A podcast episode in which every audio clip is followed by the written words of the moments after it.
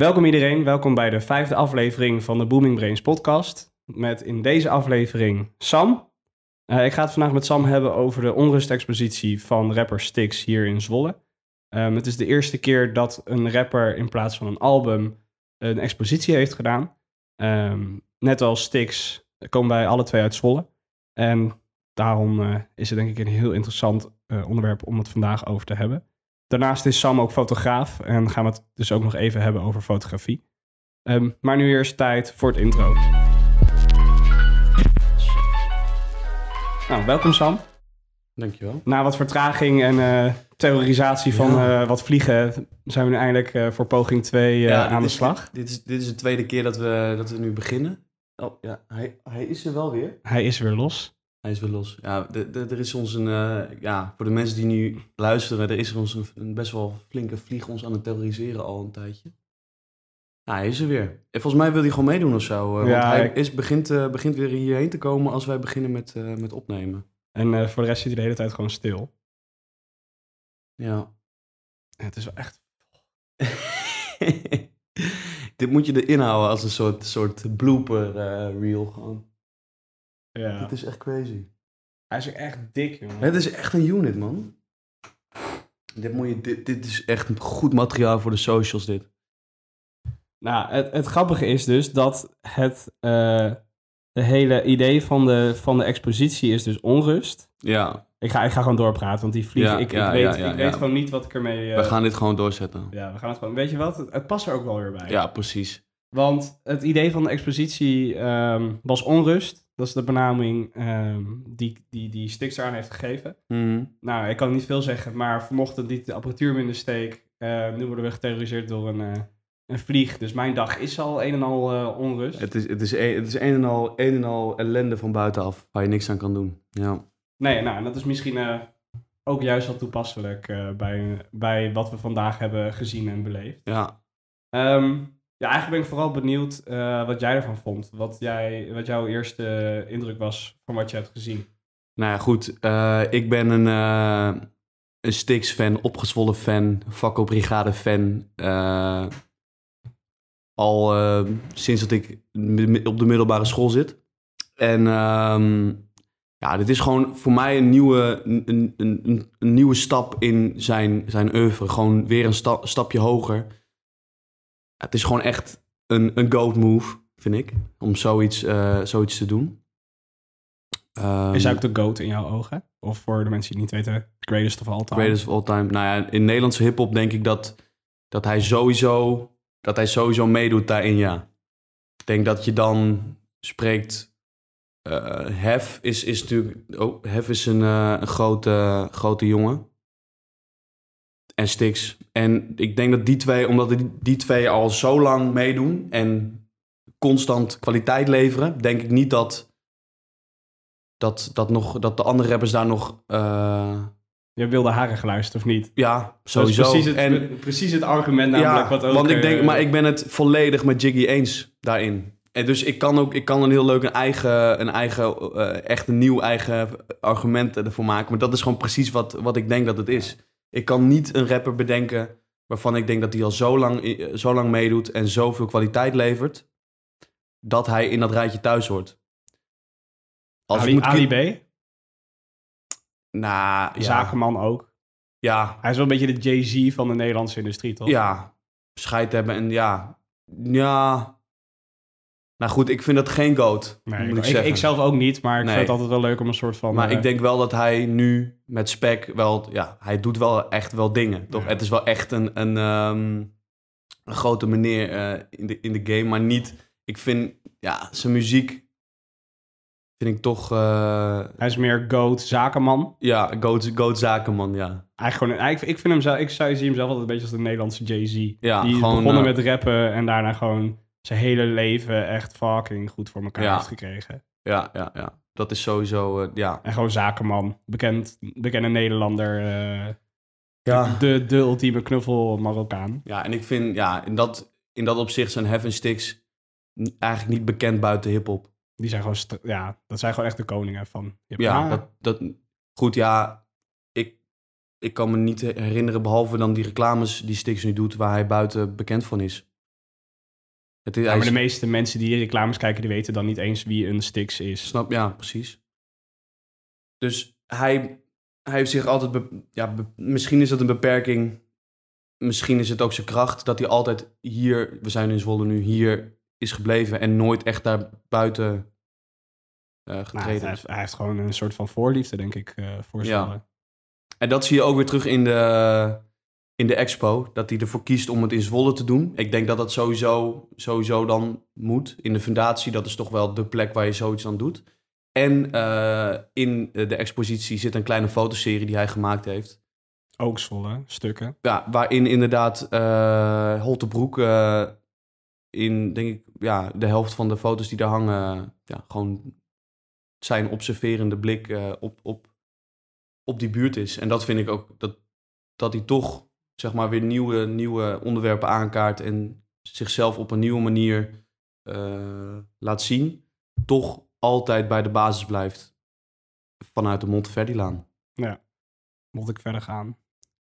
Mo- Ik weet niet, moet je verder gaan? Mhm. Ja man, dat is, eh, dat is Maar, ehm, en, ehm, want ehm, misschien gewoon om wat dieper in te gaan op het concept. Want wij, wij liepen net, eigenlijk is het grappig, want wij eigenlijk achteraan beginnen. Wij kwamen net uit die expositie.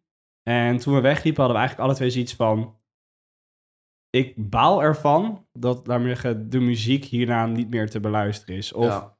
we gingen alle twee nog even in de museumwinkel checken of er toch niet een cd'tje Ja, lag stiekem misschien, je weet het van, van, van Stix Onrust. Want het, zijn concept is dus, je komt hier naar Zwolle toe, je komt naar de fundatie toe om die podcast te luisteren, Ja. de onrust te ervaren Eh, de podcast, en dan is het weer weg. Het album, denk ik. Of ja, de podcast, inderdaad, het album. Mijn, Ja, eh, kijk, excuus. Dat, toen ik dat, dat concept hoorde, dacht ik... Ja, dit is echt inderdaad... Dit is een- iets heel actueels. Zeg maar, je denkt er nooit echt bij- bij na. Maar als je het zo... Zoiets... Zo'n gedachtespinsel hoort, denk je van... Ja, dat is wel precies wat het is. Ik heb zelf nu ook... ehm, dat ik... Ja, ik ben nog wel iemand die wel echt een, in een album kan duiken... Maar veel minder dan... Dan eerst, denk ik. Ik, ik bijvoorbeeld, het, laatste album waar ik echt jaren mee gedaan heb, is, is Great Minds. Daar heb, ik echt, daar heb ik echt lang mee gezeten. Maar voor de rest, nu gaat het in fases, weet je Dat je even iets Ja. luistert en dan gaat heel snel, vervliegt dat weer. Ik moet heel erg zeggen, ik vond Great Minds wel heel, heel dope of zo. Maar ik vond het niet de legendary album waar ik heel lang op heb kunnen zitten of zo. Ik vond ook dat qua niveau of zo, dat het niet ehm, dat heeft gehaald wat, of niet heeft, het niveau heeft gehaald wat bijvoorbeeld een, eh, gewoon albums van Rico en Stix of opgezwollen tot nu. eh, de, de, zeg je dat? Ehm, al het werk wat ze hebben gedaan met Cubus en zo. Ik heb daar toch wel meer een gevoel bij. En ik vind daar uiteindelijk het gevoel van zo'n album sterker. Alle faculteitgroep albums. Vond ik wel sterker dan uiteindelijk Great Minds. Los daarvan dat ik Great Minds wel heel dope vond. Maar ik vond ook gewoon, misschien werd het een beetje het- dat er te veel gast eh, dingen ook in zaten. Nou, ja, je hebt... eh, Kleine Vieserik stond erop. Ik weet niet hoe die... Die heeft nu een nieuwe naam. Ben ik eigenlijk vergeten. Oh ja, ehm, ik weet wie je bedoelt. Iets met Versace. Ja, Rick Versace. Rick Versace, dat is hem. Ja man, hij staat erop. Wat hij op zich eigenlijk doet op zich, komt op zich wel... eh, wel ik vind hem wel, wel vet op, op dag. Ja. Dat, dat, en voor de rest nog features? Volgens, mij- volgens mij was dat hem ook. Woodstick, Ja, dat is die remix van de van eh, Typhoon. Typhoon staat erop. Rico ook toch? Rico ook, ja, heel even. Vijs? Vijs niet? Volgens mij niemand. Rest, rest in peace, Vijs. Sowieso dat voor opgesteld voordat je over hem praat. Ja. Ja. Ehm, maar nou, los daarvan, ik, ik had het niet bij Great Minds, maar ik heb het gevoel dat dit album wel weer zoiets zou kunnen zijn. Vooral, ehm, wat, wat ik grappig vond, is dat ik heel erg moest denken aan een soort van eh, de oude Styx of zo. De, de, jonge, de jongere Styx, als in de, de Rico en Styx die ik daar maar tien jaar geleden luisterde. Toen ze eigenlijk hun, hun album met, met eh, Cubus en zo is gemaakt Hmm. toen dat echt nog het soort van het super trio was. Voordat eigenlijk ART en zo eh, erbij kwam met wat meer andere tunes, misschien iets meer swing, reggae Ja. erin en zo. Dat was, het is heel, heel industrieel, heel rauw. Ja, En- dat, maar dat, dat, Het past wel bij de expo. dat vind ik inderdaad, dat, dat wil ik net zeggen. Ik denk dat, dat, dat het, het concept dat hij met, alleen met Cubus werkt hier, dat past perfect bij iets wat je, wat je in zo'n omgeving maakt. Ik denk dat de beats eh, echt voor een, echt een soort, het, over, het overvalt je echt, het, be- het beklemt je niet, maar het komt echt, het komt echt binnen. Eh, en ehm, ja, dat zorgt er gewoon voor dat het nog meer impact heeft wat je ziet, denk ik. Ja. Daar wordt het ook inderdaad rauw van. Ik denk dus ook dat, dat, dat dan gedachtenspinsels en, eh, en, eh, en, en ehm, hoe zeg je dat? De, de meningen die hij deelt, dat die nog harder binnenkomen dan, dan als je een soort ja, iets rustigere beat zou gebruiken. Hier gebeurt gewoon veel en het komt gewoon echt Op je op je af. af. Ja, en dat is echt super vet gedaan. Ook de visuals die, die gewoon eh, lekker snel zijn en veel bewegingen zit. Dat, het, het maakt het gewoon echt dat het dat je er niet omheen kan. Dat, je, Nee, dat, je, dat, je, dat het gewoon echt... Die zijn gemaakt door een, niet door een Zwollenaar, maar door een, eh, een Russische Belg. Een, eh, een kunstenares volgens mij. Ja, Ehm, ik vond ze ook heel vet. Er zat ook een stukje dans. ja dans, In- dansperformance in. Ehm, Veel glitchy effecten. Veel dus gli- veel ja. dat dingen vastliepen. En found footage. Storingen. En heel veel found footage, wat ik ook, eh, wat ik ook altijd wel, wel bijzonder vind. Dat je met gewoon losse beelden die je eigenlijk van het internet plukt... Ja, toch het voor elkaar krijgt om echt wel een... door middel van montage iets, Ja. iets te maken. Ja, inderdaad. en dat is ook echt heel sterk. eh, het, het- de found footage beelden die, eh, die op verschillende plekken in de expo staan, die lieten echt, zeg maar, zien hoe, hoe maf de wereld eigenlijk is. Ja. Ehm, ik denk ook dat, en want dat vond ik zelf interessant, de manier waarop die, de, de volgorde vond ik zelf ook wel interessant, hoe hij dat heeft gedaan. Je zag dat de meeste mensen die, het moet het zien, het zijn ongeveer vier, vijf ruimtes, denk ik. Ja, Ehm, en de eerste ruimte waar eigenlijk iedereen eh, binnenkomt, dat is een redelijk donkere ruimte met een paar schermen en wat beats en muziek. De eerste gang is eigenlijk, daar zie je heel weinig, maar dat is een soort van constante ja. zin die wordt herhaald. ja en er staat eh, ja, verzuipen in het alledaagse staat zo. Terwijl het juist eigenlijk best wel een soort van leeg. Die gang is nog niet super. Nee, je je komt het is gewoon onrustig. een... Die komt nog niet heel erg. Het komt wel op je af, omdat het heel donker is. Mhm, En die, die een soort van onheilspellende muziek met ja. sticks die steeds die boodschap herhaalt. Maar het is niet onrustig in de zin als in er gebeurt heel veel. Het is meer een soort Nee. van constante eh, dreunen of zo. Die je steeds in je, Mhm. in je, op je hersenpan voelt, laten we zeggen. Ja, het is gewoon een goed, goed in... Je, je glijdt er zo op die manier glijden wel lekker Ja. in, vind ik. Maar wat ik leuk vond, je hebt op een gegeven moment een ruimte. En ik denk dat dat ook is de ruimte is die de meeste mensen zullen zien op, op Instagram Mhm. en op eh, stories en alles wat mensen posten die, die er zijn geweest en die er nog heen gaan. Ehm, dat is een witte ruimte eh, met, met allerlei teksten. En nou, iedereen die zit daar gewoon die teksten te lezen ehm, uit context eigenlijk. Want je, het is gewoon een witte kamer met zwarte teksten in verschillende lettertypes, groottes Ja. en eh, volgordes, richtingen. Het, is, het loopt allemaal door elkaar heen. Ehm, en je moet echt die tijd nemen om de losse teksten te bestuderen, te bekijken en, en daar wat van te vinden en te interpreteren. Ehm, en daarna kom je pas in een soort van ruimte waar ook banken staan. Eh, en daar kun je dan uiteindelijk dus de, de, de denk ik de grootste audiovisuele eh kunstwerk zien. Er zijn, waar gewoon schermen staan met een soort van... Je zou kunnen zeggen dat het een soort van videoclips zijn. Ja, Maar dat zou, zou, zou het eigenlijk tekort doen, vind ik. Ja, nee, het is inderdaad meer dan, dan videoclips. Maar ik denk dat volgens mij, als ik het goed heb begrepen, is dit, dat gewoon de ruimte waar je het album eigenlijk in zijn geheel kan, Ja, kan precies. beluisteren. De rest, in is de rest is een soort van echte tentoonstelling. Ja, En dan eerst kom je daardoor een beetje in de vibe. En dan ga je gewoon daar even zitten. En dan ervaar je daar het album. En dan heb je nog een soort van klein stukje waar je nog naar een soort van studio gaat. Die in, de, in, in het museum staat. Mhm. Ehm, maar daar kom ik zo meteen nog even op terug. En dan is het eigenlijk een soort van afgelopen. Maar die ruimte, daar zit je ook wel langst. ja daar, die ruimte, dat, eh, daar, daar komt eigenlijk Alles alle, samen. ja, alle losse dingen die je aan de ene kant van de gang ziet, komen samen op dat punt. Eh, omdat er ook een beetje herhaling in zit. Wat een paar dingen, zeg maar, uit dat grotere ding worden uit, die, losgetrokken. uit die kleinere zalen. eh, bijvoorbeeld die, die, die dans. ja. Die zie je terug wordt- in. ja. Die herken je eerst niet, maar dan als je beter kijkt, zie je dat door middel van eh, ja, gewoon filmeffect. eh dat is vervormd, maar Mhm. uiteindelijk wel weer herkenbaar is. En wat ik heel grappig vond, is dat ik toen ik in die zaal, in dus die, die, die echt het album aan het luisteren was, bij wijze van, dat ik heel erg neiging had om terug te gaan naar die eerste ruimte. Omdat ik heel graag wilde zien van... ehm, ik wilde al die teksten plaatsen of zo. Ja. Toen hoorde ik de teksten en toen dacht ik... hé, hey, dit heb ik net gelezen, dit heb ik net gelezen... dit heb ik net ergens gezien. Mhm. Toen had ik heel erg de neiging dat ik heel erg terug wilde. Ja. Ja, goed. Ik denk ook dat, het, dat, dat die witte ruimte, dat is echt een, eh, een kijkje in, eh, in of het, hoe je het noemt, het, het hoofd of gewoon zeg maar het, het notitieboek van, van, van, eh, van Stix. Ja. Dat is gewoon een hele interessante manier waar alles echt door elkaar heen staat en over elkaar heen en met inktvlekken dingen zijn eh, opgecoverd, zeg maar. Die kan, je niet, die kan je niet echt goed zien.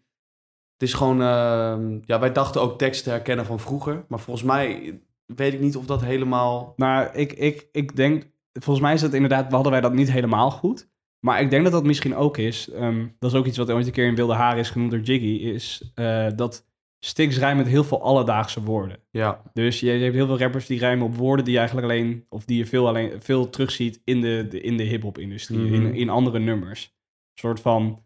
Die rap is gebe- gebaseerd op de culture waar het in zit, laat maar zeggen. ja, En wat zij dus daar noemde ook, was dat Stix een van die rappers is die alledaagse woorden, net als volgens mij Extins dat, zeiden ze het ook over, dat hij dat kon. Dat die Mhm. hele alledaagse woorden op elkaar konden laten rijmen, maar dat ook een rap konden maken. Ja. Zonder dat ze naar toch de meer gangbare straathalwoorden verwezen. En ik denk dat dat misschien ook wel is waarom wij dachten dat we dingen herkenden. Omdat er natuurlijk dan wel weer meer Ja. woorden in zijn soort van repertoire zitten. Vooral omdat hij al zoveel nummers heeft gemaakt. ja dat dat, je, is het ook, denk dat ik. je denkt dat je dingen gaat herkennen. Precies. Ik denk ook, ja, ja goed, ik heb, eh, ja, wat ik zeg, sinds de brugklas eh, heb ik eigenlijk Niks anders geluisterd. bijna niks anders geluisterd dan, eh, dan opgezwollen. En, eh, en alles wat daar daarna en daarvoor eh, verschenen is. Dus ja, op een gegeven moment ga je dan, het is toch, eh, zeg maar, uiteindelijk heeft iemand toch een stijl, zeg maar. Dus dat, dat, dan denk je inderdaad dingen te herkennen. Van één zinnetje, van, van sommige dingen, die, die heeft hij echt wel vaker gezegd, dat, dat weet je dan wel zeker. Maar ja, de grote lijn is volgens mij echt, eh, het is echt een, een, Wel een uniek nieuw werk. een uniek nieuw het is niet werk. dat hij, niet dat hij dingen in een, in een, zeg dat, in een trechter heeft gegoten van Nee. wat, wat kan ik in de tentoonstelling doen en wat niet. Eh, Nee, omdat ik ook, ik heb eh, gisteren een klein interviewtje gezien wat hij deed met nu.nl. Met die jongen die dat ze in de auto gaan zitten. Ja. Hij is ook, St- Stix vertelt erin dat hij gewoon klaar is met het, het hele concept van dat hij weer op het podium gaat staan en nog, nog maar een keer hoedeplan gaat doen. Wat ik op zich wel begrijp. Ehm, Wel jammer natuurlijk. ja, want- goed. Nou ik, ja, goed, nou, ik moet je eerlijk zeggen dat ik ook, ik ben, ehm, ehm, ik heb hem toen voor het eerst echt dus live gezien. eh, toen hij weer opnieuw begon met opgezwollen tot nu. Toen eh, was ik eh, als cameraman voor Hedon aan het werk. eigenlijk het thuispodium. Het, het thuis, wa- waar het eigenlijk ook allemaal begonnen is. het thuisgrond van die twee. En toen, ja, weet je dat, als je dat weer, als je het echt voor het eerst ervaart, ik was zo'n 15, ja, dan, eh, ja, dan is het wel echt vet. En ik heb toen, denk ik, in totaal, nou, ze hebben ze vaker in Hedon opgetreden. Ik heb ze in de HMH gezien in de Ziggo Dome. Ehm, het is echt vet. Maar op een gegeven moment denk ik ook, tenminste voor mij was die formule, is die ook, had die ook zijn einde bereikt. Nou, ik denk dat op een gegeven moment dat het, of misschien dat het vaak blijven, die formules voor het publiek blijven heel leuk. Ehm, want wij denken dan dat je het, wij denken dat we het vaak hebben gehoord, dat we vaak naar optreden zijn gegaan. Maar voor hun is het natuurlijk echt nog veel an, heel veel anders. Want zij doen het keer op keer op keer zo'n optreden. Ja. En, Ja, goed, en ik- ook, ik denk ook dat de Stix die nu onrust heeft gemaakt, is niet de Stix die tien jaar geleden opgezwollen nummers heeft gemaakt. Tuurlijk voel je er nog wel wat bij en, en is het vet om te zien dat mensen helemaal los op gaan. Maar het is niet meer, nee. het, het is een soort van momentopname. Nee. En wat hij ook heel duidelijk zegt, zeg maar, hij, als hij dus samen met Rico een show doet, dan komt ook nog even opgezwollen de volle voorbij. Ja, nummer uit 2001, denk ik. Ja. Nou, dat, dat... Stix is 18 toen hij dat, was 18 toen hij dat schreef. Nou, als je eind 30 bent, is dat, is dat wel een keer... Moet dat ook een keer Is- gepasse- is gepasseerd ook niet meer tof zijn? of zo misschien. Eh, Nee, dan is het gewoon een keer klaar. En ik denk dat hij...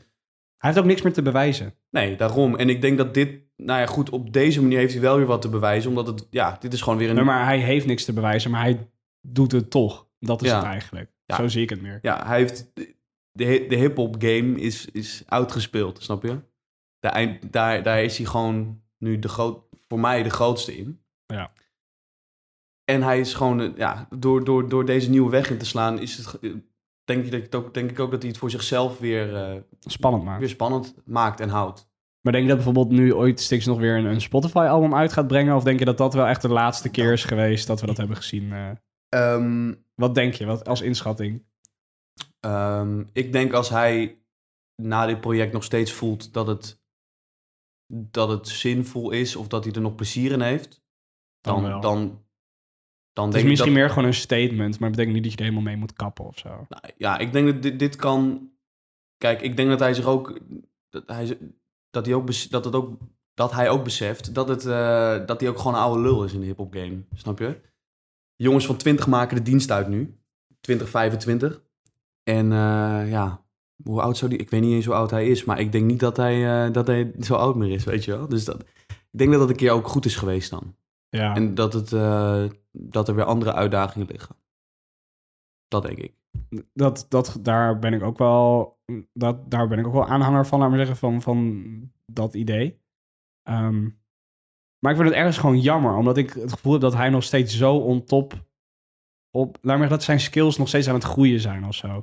Dat is wat ik, kijk, ehm, dat was ook zo toen, ehm we waren laatst ook, toen ik ook een interview gekeken met Fabio. is Mhm. ook gewoon een oude lul. Heeft ook kinderen.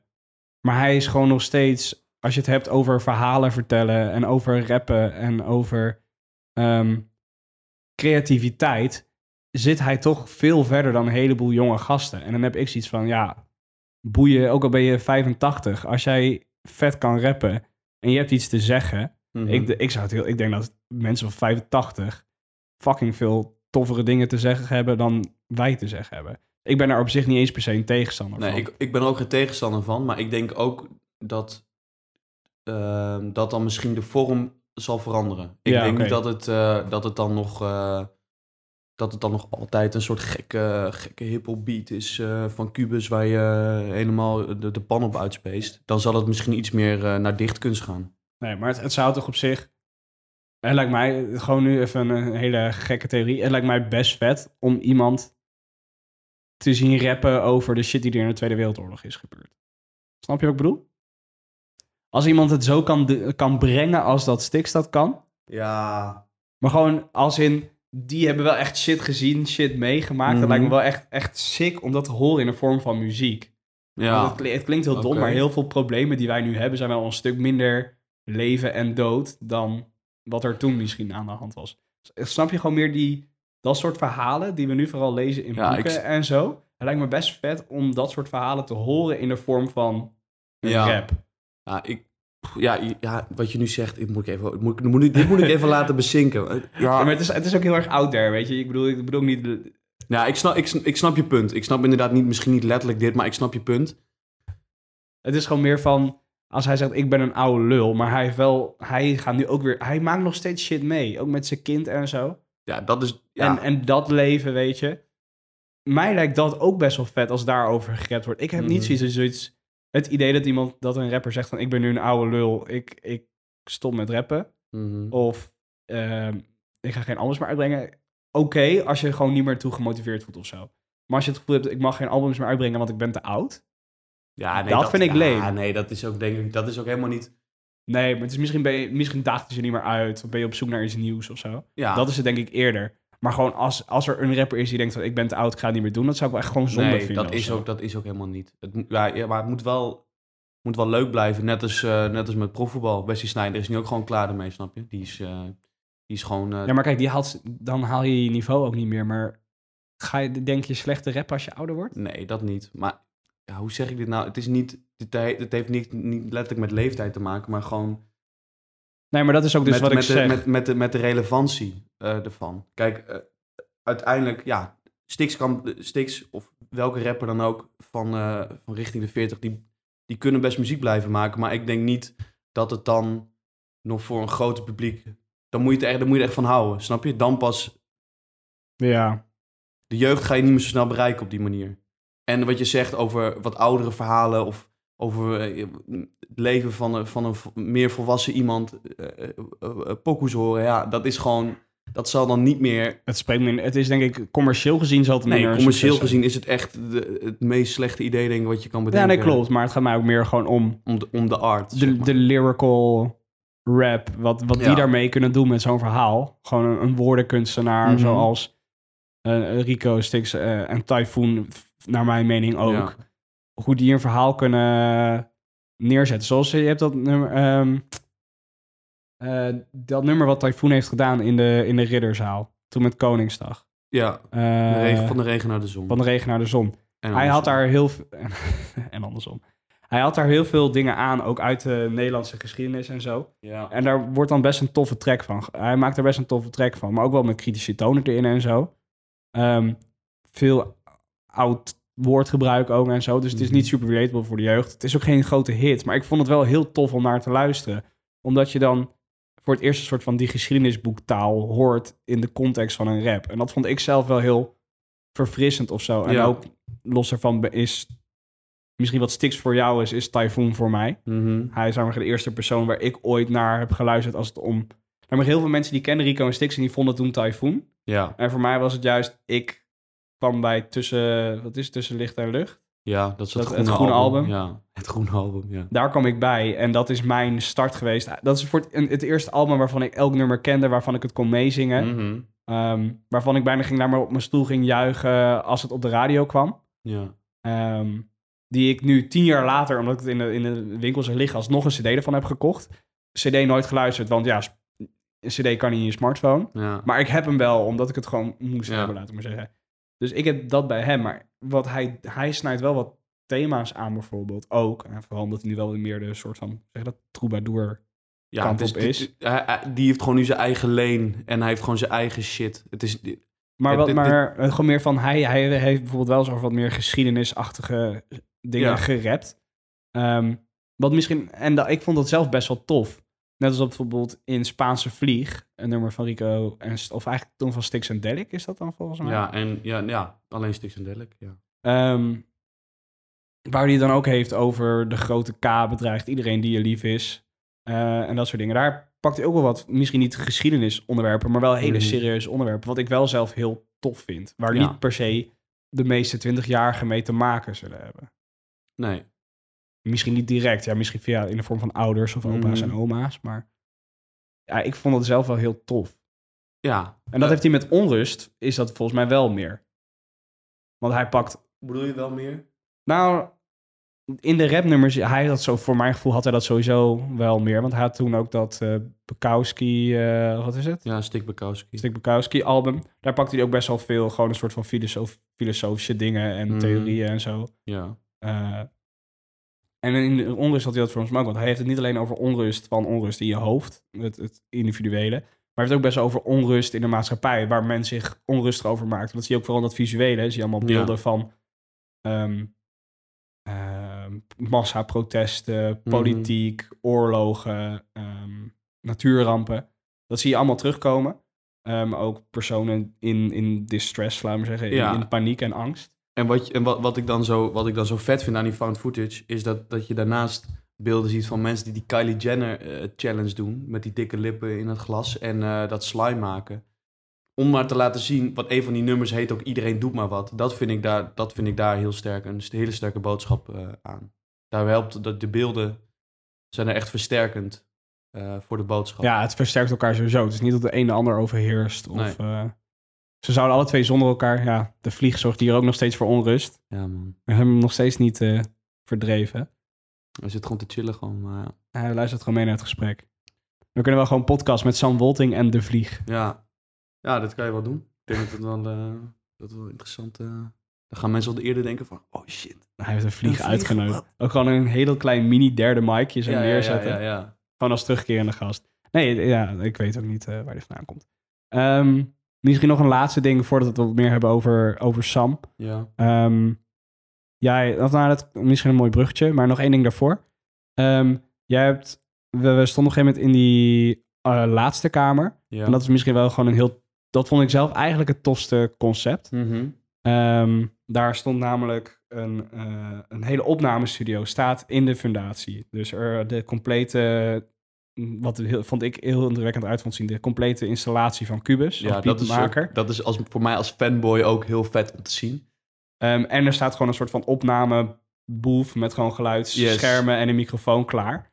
Ehm, want eh, een, een van de nummers, dat, ah, ik weet niet meer wat, hoe die ook weer ging. Ja, dat is steeds Eh, van, mo- mo- mo- moet ik me zorgen maken? moet ik me zorgen maken? Nou, Ja. Dus hij noemt steeds dingen. ehm, eh, ik pas me aan aan mijn, omge- aan mijn omgeving. Moet ik me zorgen maken? Ik, eh, je bent al lang niet meer online geweest. Moet ik me zorgen maken? Ja. Drink je wel genoeg water? Moet ik me zorgen maken?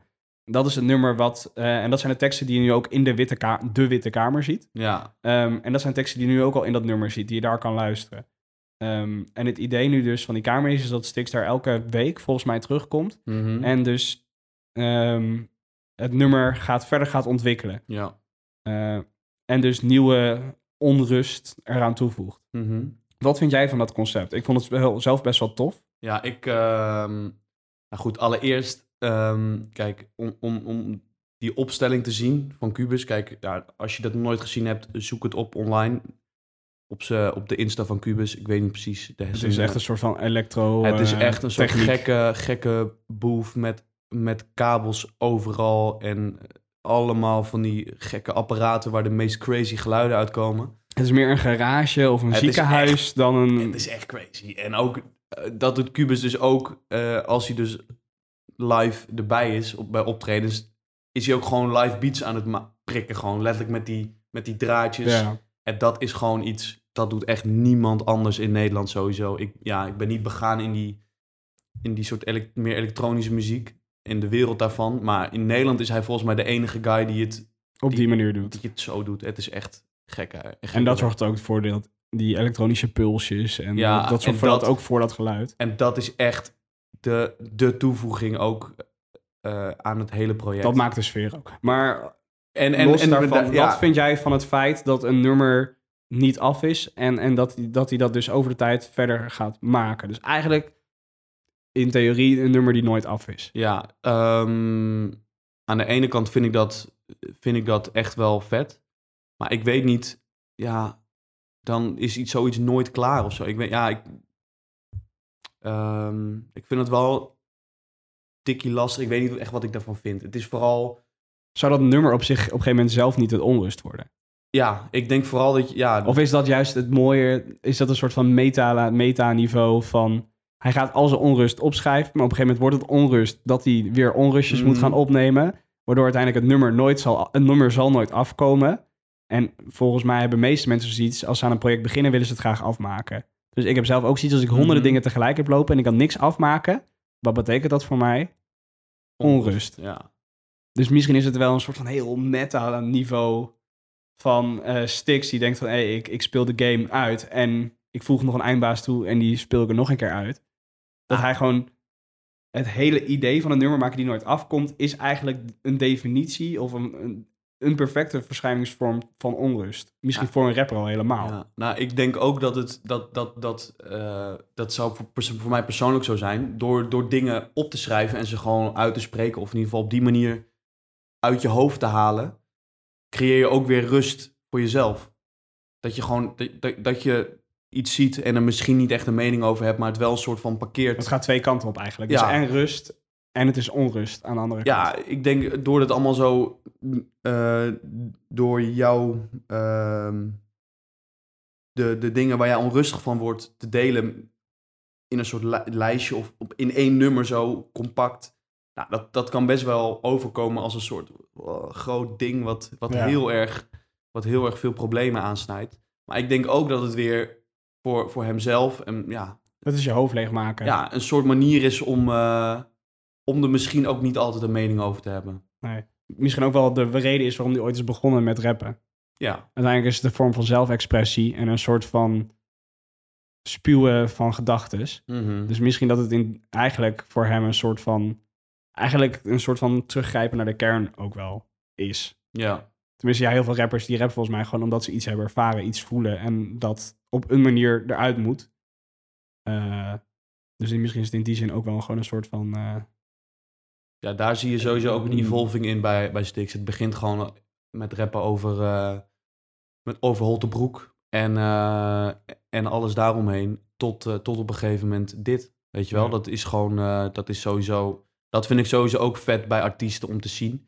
Dat, is, dat geeft voor mij altijd ook weer een, een, een extra laag eh, aan een artiest om echt een de- ontwikkeling. de vooruitgang te zien van album 1 of pokoe 1 naar laatste project. Dat een, dat een album echt nog een album is. Dat er verhaal in zit, bijvoorbeeld. En bij hem is dat misschien niet van... En nu hebben we het er misschien meer over in de zin van... Er zit een verhaal in, niet van in een album, van nummer tot nummer... maar van Mhm. album tot album tot deze expositie. Het is altijd Stix, maar het Stix verandert wel zo.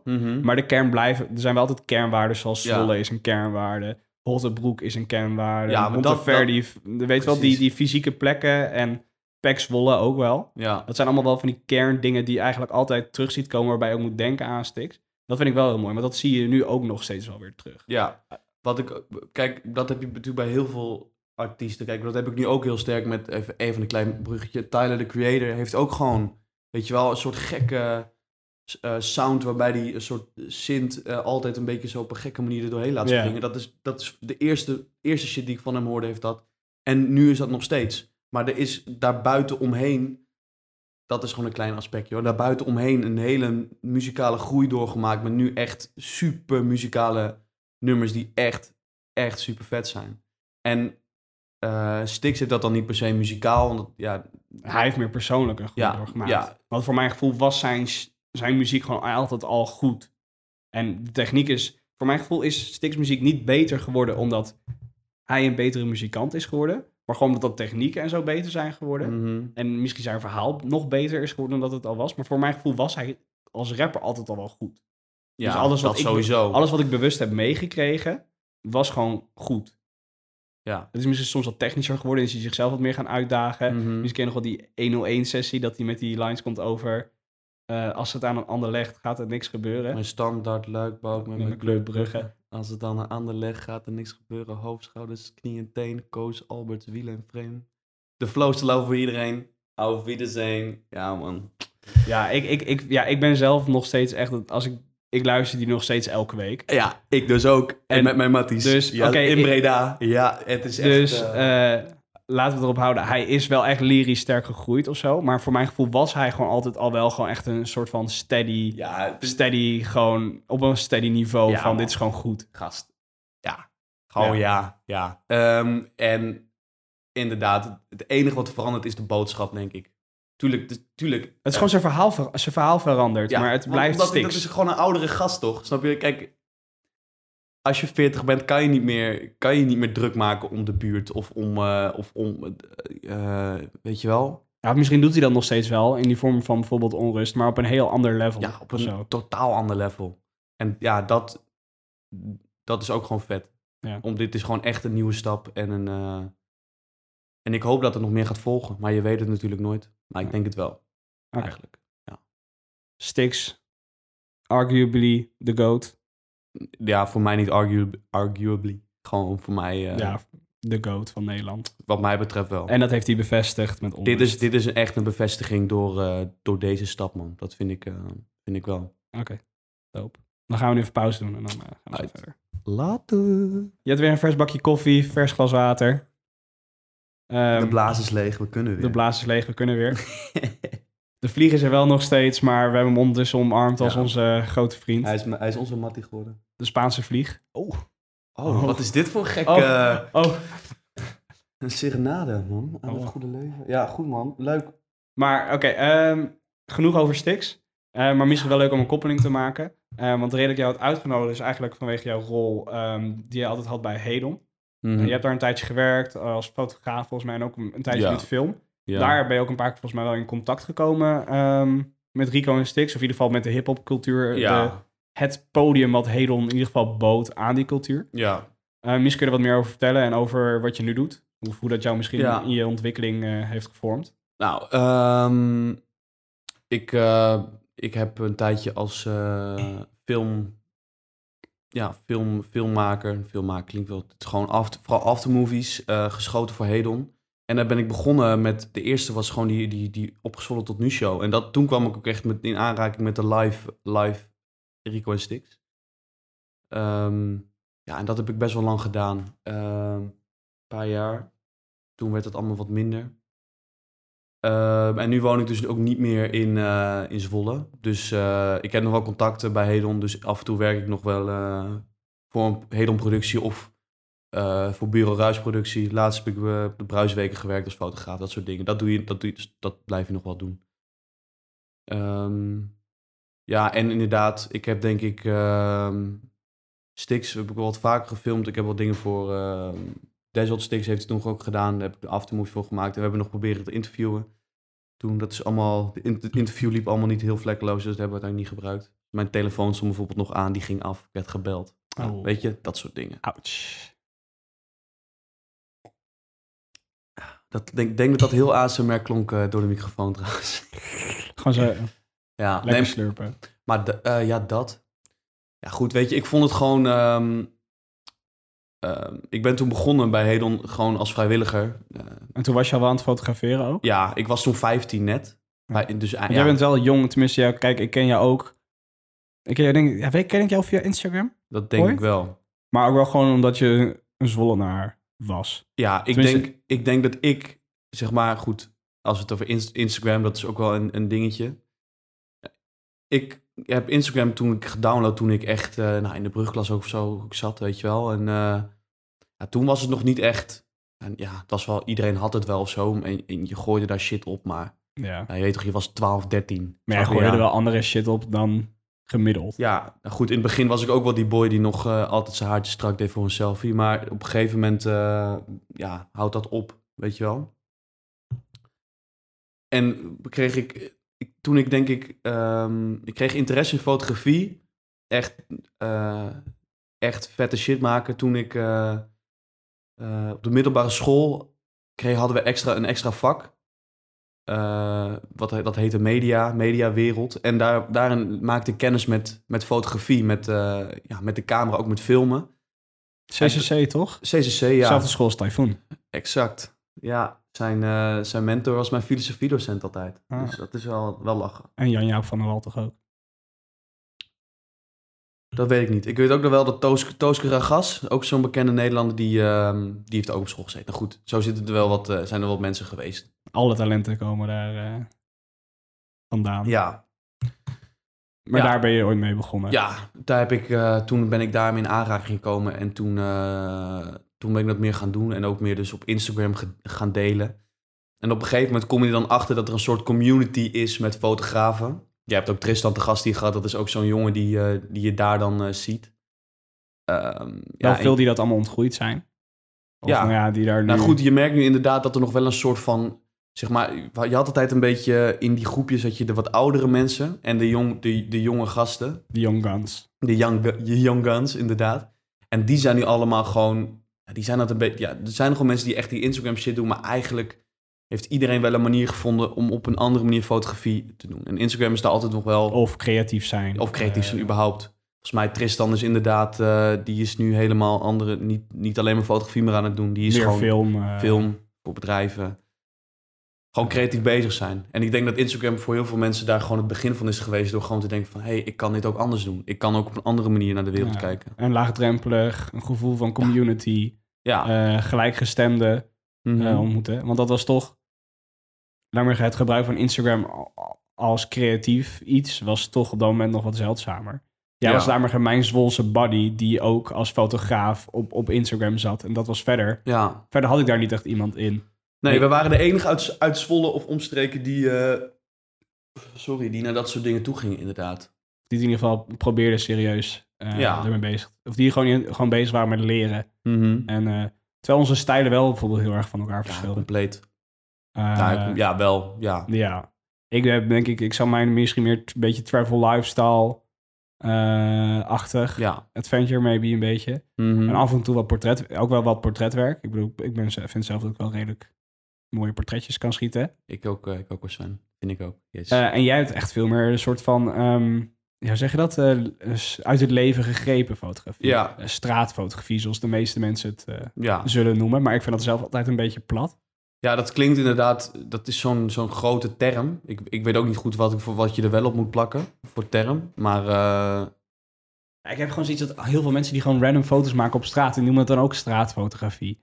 En ik heb wel het gevoel dat er bij jou wel een gedachte vaak of zo in ieder geval achter zit. nou, ik probeer gewoon momenten te vangen eh, die, ehm, die, niet, die niet per se alledaags zijn, maar wel zeg maar, als je gewoon om je heen kijkt, ik, die zie je ze wel. Ja. Ik, weet, niet- ik weet niet hoe je dat goed zegt. Het zijn gewoon, Ze zijn alledaags, maar ze spreken ja, ze, ze spreken wel.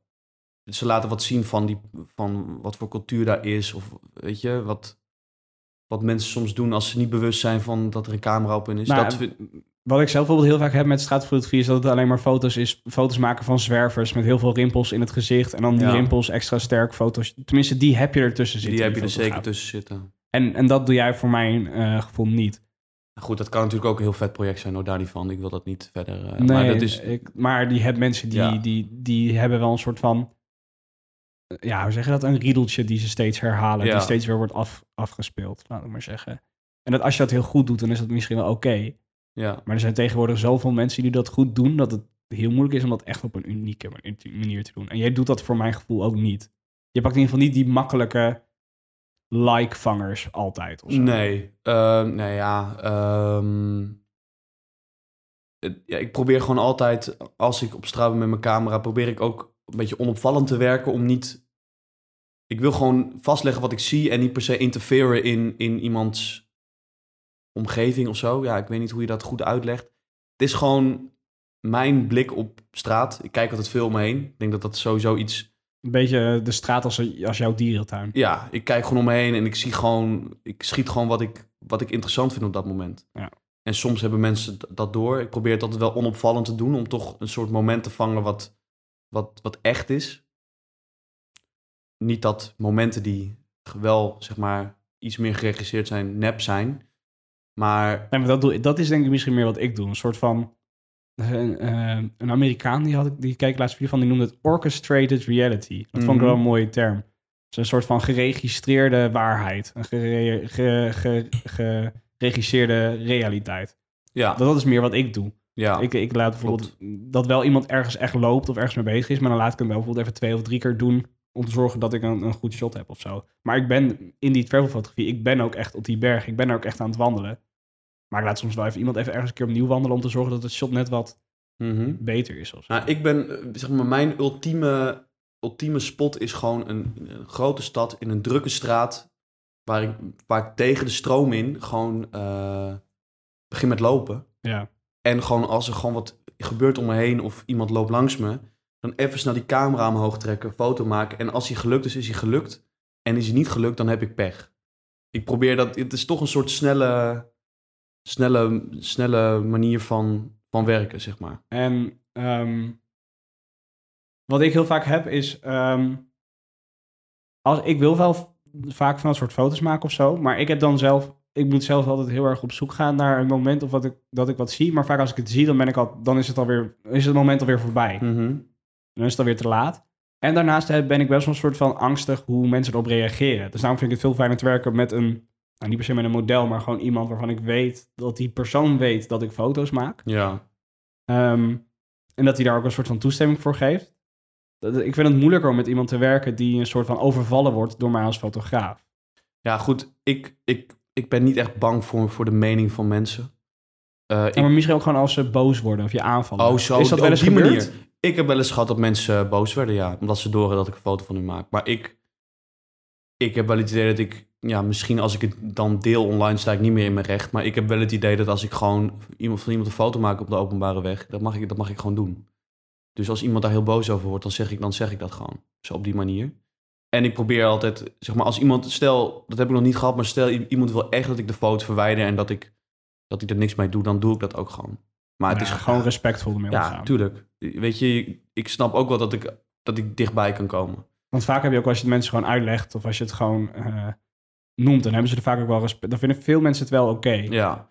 Ik heb de enige keer dat ik wat gehad heb, was een keer, dat was in Rome. En toen maakte ik foto van wat oudere mensen die op een bankje zaten. En ik stond daar te fotograferen. En toen, ja, ik krijg een keer een schreeuw of zo, of een gebaar. En in Amsterdam een keer met, eh, ja, met nogal een bijzonder figuur maakte ik een foto van. En die liep langs en die, ja, die, gewoon tegen je te schreeuwen en schelde je uit. Maar verder gebeurt er niks. Dat is eigenlijk het maximale wat ik... Ik heb nog geen klap gehad of zo. Dat hoor je ook wel eens van fotografen die veel op straat werken, dat ze tik krijgen of... Eh, ik ken een aantal New Yorkse eh, eh, straatfotografen. Nou, ik ken hem, maar Mhm. ik- die volg ik en, en ik, ik ken hun content en de verhalen die ze vertellen. En daar is het echt wel schijn. Dus die zeiden van, ik heb met mijn camera onder mijn arm moeten sprinten om weg te rennen van een, eh, een boze junk of gewoon iemand die onder invloed was en, en die, die toch het niet kon waarderen. Ja, dat is, dat is wel part of, part of the game, denk ik. Het, dat, dat hou je toch. De Spaanse vlieg. Hij is er weer. Maar dat is niet iets wat je... Te Tenminste, ja, dat is, ik ben ook wel wat angstiger aangelegd eh, al. Maar jij hebt zelfs iets van, ja, boeien. Nou, ik ben, ja, ik ben totaal niet, eh, ik ben, nou, totaal niet. Ik ben niet zo angstig aangelegd, nee. Ik, ehm, nee, dat heb ik niet. Ik, ik, het enige wat, wat ik laat zien altijd op mijn, on the gram, zeg maar, is gewoon wat ik om me heen zie en wat ik interessant vind. En ik heb nou veel, veel, heel veel gewoon, zeg maar, straatfoto's. Dus echt mensen gewoon op straat. Maar bijvoorbeeld, nou goed, de laatste foto's die erop staan zijn foto's van eh, mijn vakantie in Zuid-Frankrijk eh, in de bossen. Weer meer gewoon natuur, natuurfotografie, zeg maar. Dus het is altijd gewoon wat ik interessant vind en wat ik, waar, ik, waar ik een vet plaatje in zie. Op, op Instagram zit er niet echt. Nou goed, dat heb ik nog dan niet echt uitgevogeld wat voor verhaal erachter zit. Het is gewoon, ik, ik schiet gewoon wat ik vet vind. En als ik daar op een gegeven moment een soort, voor mezelf een soort patroon in terugzie, dan is dat tof? is Zo dat niet, tof? is het ook tof. ja. En, en ben jij nog steeds heel serieus mee bezig? Want wat ik zei, heel veel eigenlijk zijn weggestapt vanaf Instagram. Mhm. In ieder geval, die doen het nog wel, maar meer gewoon echt puur voor de leuk. En die zijn er niet meer mee bezig vanuit eh, geld verdienen of, of eh, groot worden, bekend Ja. worden. Zit daar nog ergens wel zo'n ambitie bij jou in? Of is het voor jou ook eigenlijk gewoon puur nog, eh, ja, weet je, het is een plek waar ik gewoon Nou, ik ben, neerzetten. ik, ehm, ik weet nog niet precies hoe ik, ik, ik ben, ik ben nog best jong, ben 19 nu. Eh, Ja, ik, ik, vergeet altijd hoe ja, jong ja, bent. ja, dat vergeten Mensen, deze gast is 19 jaar oud. Ja. Ehm, Dan voel ik me nog jong. Ja, ik heb gewoon, ik heb mijn VWO'tje gedaan en altijd mee bezig geweest. En ik heb ook mijn profielwerkstuk, wat je vaak geschreven inlevert, heb ik ook door middel van een film eh, ingeleverd. maar deed je dat dan ook omdat je wist dat, dat, dat, dat je dat tof leek? Of dat je gewoon dat is minder werk dan een, proefstuk schrijven? Nou ja, goed, het is niet in principe, de- research, de, re- werk. de research is even groot.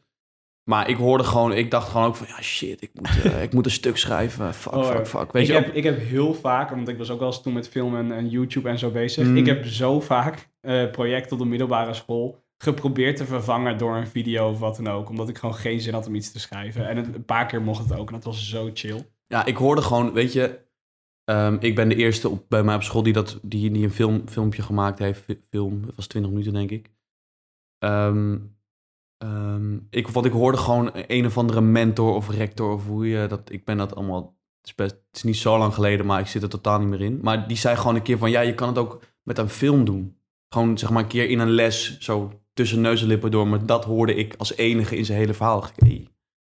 Dat, eh, dat wil ik doen. Want ik heb helemaal geen zin om, om een soort groot eh, document te gaan tikken. En eh, ik wil gewoon iets maken. En ik ben toen... ehm, nou goed, ik ben ook nog eh, met school via de organisatie Educans ben ik naar Ghana geweest. Daar heb ik ook veel kunnen fotograferen. Ehm, en zo heb ik, zeg maar, in de, die zes jaar dat ik op de middelbare school gezeten heb, wat ik, wat ik redelijk soepel heb kunnen afronden. Altijd gewoon mijn, de fotografie nog een hoofdrol kunnen laten spelen in mijn leven. En ik ben toen, eh, nu zit ik op de kunstacademie in eh, Breda. Studeer ik fotografie en film. Ik ben net begonnen aan mijn tweede jaar. Dus om je vraag te beantwoorden, ja, ik ben nog steeds serieus bezig met fotografie en film. Eh, in mijn eerste jaar heb ik vooral veel met film gewerkt. Ehm, maar ik ben nu wel bezig ehm, met, met een projectje waar ik vooral nu voor aan het fotograferen ben. En, ehm, want een aantal van de gasten die wij kennen, de, de CISO's bijvoorbeeld. Ja, de- die, ehm, ik volg... En eh Najim, eh, Pascal volgens mij ook. Die zijn, Mhm. zijn ook allemaal eerst naar de kunstacademie gegaan, of de fotoacademie in Amsterdam. Ja. Maar die zijn er toch mee gekapt. Is dat iets wat jij ook bij jezelf ziet gebeuren, of bevalt het jou wel? Nou, ik denk dat, dat sowieso die, die, die gebroeders eh Ciso, eh, Willem en Bob met name... Dat die, die volg ik nog wel op Instagram. Die zijn gewoon grote dingen aan het doen in Japan en zo nu. Dus ehm, Het is gewoon niet interessant. ik denk dat het wat minder interessant is als je gewoon al, als je gewoon al zeg maar daar bent. Zij zijn verder dan hun leraren eigenlijk. Misschien, misschien tech- niet verder dan een technisch. leraren, maar die hebben gewoon wel voor zichzelf nu gewoon een manier gevonden om, om zeg maar, zichzelf te kunnen uiten en zichzelf te kunnen redden in de wereld. En ik denk dan niet dan, om dan nog naar school te gaan en daar nog ja, ook geld aan uit. Het kost ook gewoon geld, snap je? Dat, en eh, om, om daar nog mee bezig te moeten zijn, los van je eigen projecten, dan snap ik wel dat je ermee kapt. Ik heb gewoon nog niet nu eh, de projecten waarvan ik denk van, nou, dat is gewoon eh, mijn inkomen en ik hoef, ik hoef niet meer. Denk, denk je dat wij ook misschien, wij twee, ehm, misschien ook personen zijn die het studeren leuker vinden? Nou goed, ik heb, ik heb, eh, eh, Want je hebt wel VWO gedaan. Ik heb VWO gedaan. Ehm, dus dat, ja, dat, dat was altijd gewoon veel lezen en veel schrijven en zo. En op zich vond ik dat helemaal nooit een probleem, inderdaad. Dus ik heb nu ook, als ik dan nu theorie, weer theorietoetsen heb, dat, dat, voelt, dat voelt op zich, dat, dat, Dat gaat je goed. dat gaat me gewoon goed af. Dus ik vind dat ook helemaal niet zo erg. Ik denk inderdaad dat er heel veel mensen zijn, ook bij mij op school, die gewoon wel kunnen maken en, en, en een eigen creatieve stem hebben. Maar het gewoon lastig vinden om, om nog een soort theorie te, te moeten leren en eh, nog een soort eigen, Mhm. dat eigen, ja, heel veel, heel veel moeten lezen en leren. Ja. Dat, sommige, mensen kunnen dat gewoon niet. En misschien hebben zij dat ook.